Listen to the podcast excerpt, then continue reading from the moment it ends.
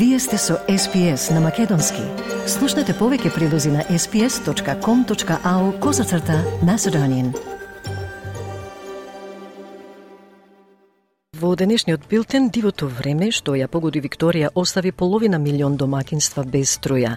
Соединетите Американски држави, Египет, Израел и Катар ќе се сретнат во Кајро за разговори за прекин на огнот во Газа и председателските избори во Македонија ќе бидат распишани денеска, среда, а за парламентарните уште има консултации. Слушајте не.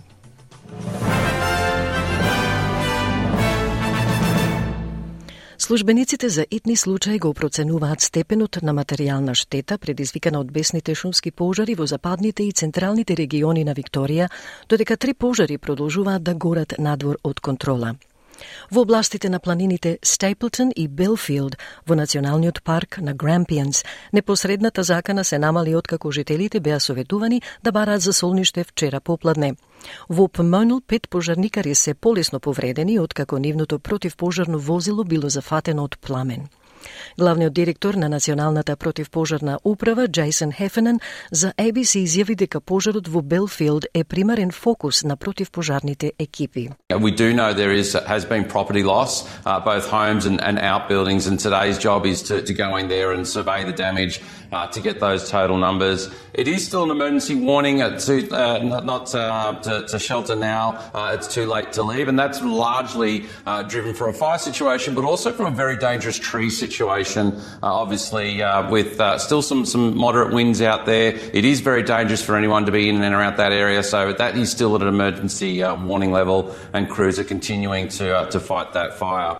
Пожарот веќе зафати над 2100 хектари.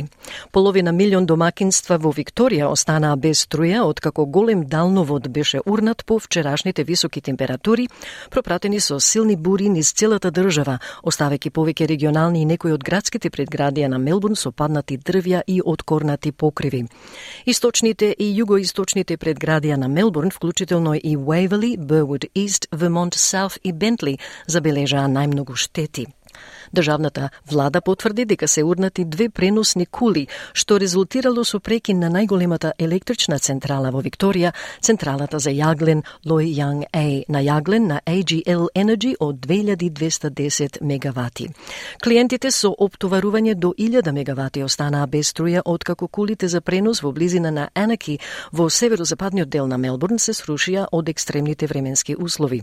Министерката за енергија и ресурси Лили Дамбросио вели дека работи со операторот на австралискиот енергетски пазар и релевантните власти за да ги врати жителите на Викторија на интернет. Во моментот 280.000 домакинства се останати без струја. Австралиските разузнавачки и безбедносни агенции ги абсорбираат последиците од војните во Украина и на Блискиот Исток, но терористичката закана на нацијата останува непроменета. Шефот на Азио, Майк Берджес, повика на смиреност по постојаниот страф од спонтано насилство. И шефот на Канцеларијата за национално разузнавање, Андрю Шира, вели дека војните во Газа и Украина ја отежнуваат заштитата на интересите на Австралија. Австралиската даночна канцеларија го отпушти персоналот осомничен за измама со GST од 2 милиарди долари. До 150 вработени во Австралиската даночна канцеларија се под истрага за нивна наводна вмешаност во шема на социјалните мрежи што одзеде 2 милиарди долари. Во извештајот на генералниот ревизор за управувањето со измами на GST, исто така се наведува дека започнала кривична истрага против други кои биле поврзани со широко распространение планетата злоупотреба. Работниците на Australian Taxation Office беа под истрага како дел од операцијата Протего, формирана да ги таргетира луѓето кои имаат корист од лажните поврати на GST. Операцијата беше воспоставена откако даночната канцеларија прими големо зголемување на дојавите за измами за поврат на пари, како и зголемување на бројот на деловниот број на Австралија и регистрациите за GST. Лидерот на опозицијата Питер Датон побара од Банаби Джойс да се замени на одмор од како минатата недела беше снимен легнат на земја покрај Жарданиера, мрмореки безобразни зборови.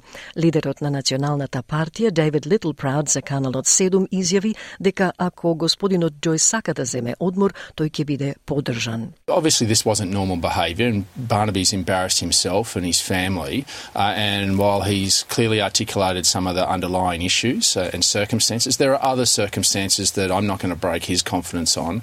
I've been very clear to him that primarily my responsibility is about his well-being and that if he wanted to take some time away uh, to make sure he can address all these issues and, and get himself back uh, to a level that we expect, then he'd be fully supported.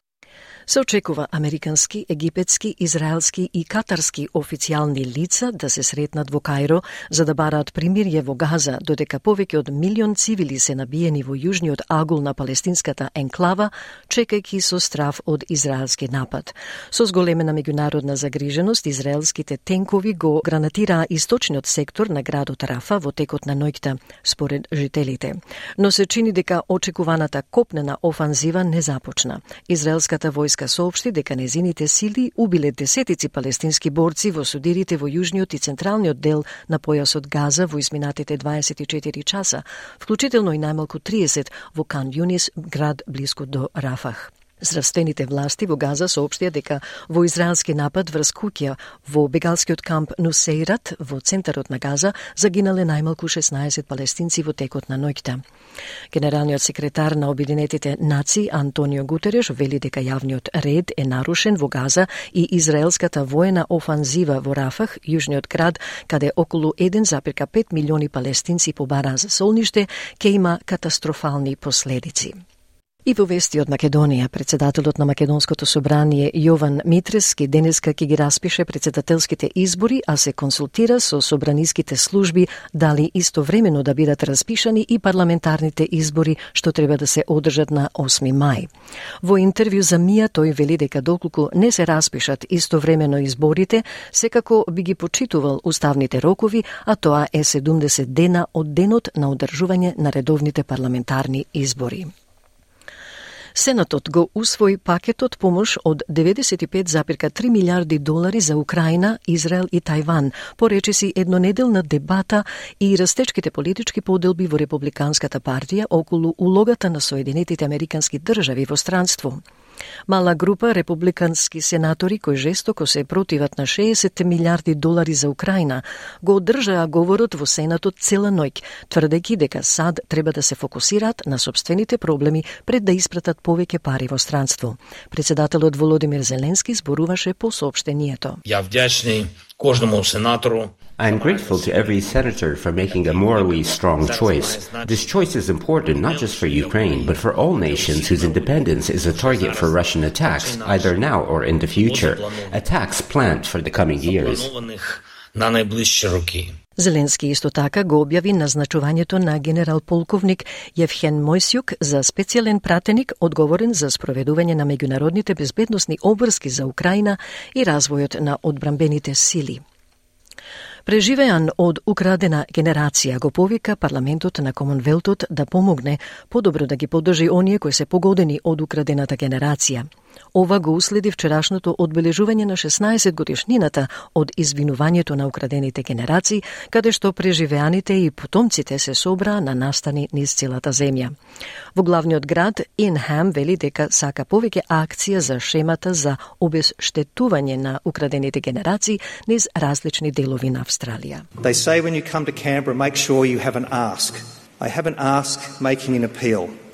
I personally beg you to talk to engage with, lobby, hassle, hustle, badger, bludgeon, I do not really care.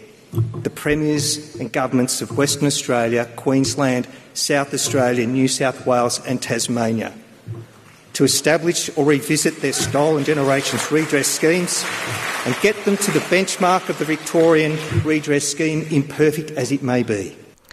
Производителите на цвеќиња и цвеќарниците се подготвуваат да испратат четвртина милион рози до австралиските срца и домови на денешниот ден на влюбените, и тоа е само во најнаселената држава во земјата.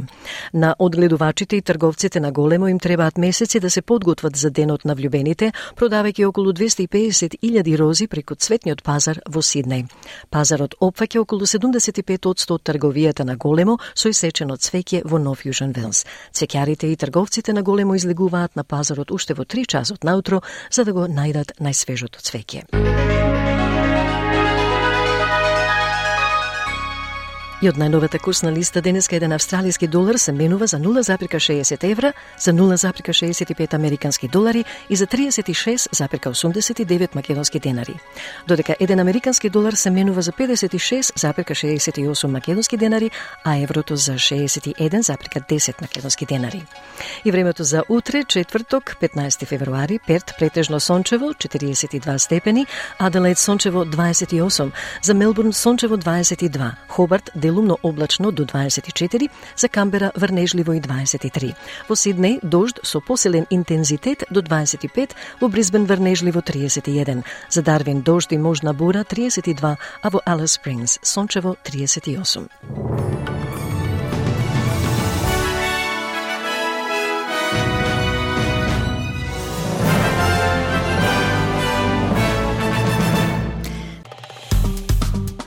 Стиснете, ми се допаѓа, споделете, коментирајте. Следете ја SPS на Македонски на Facebook.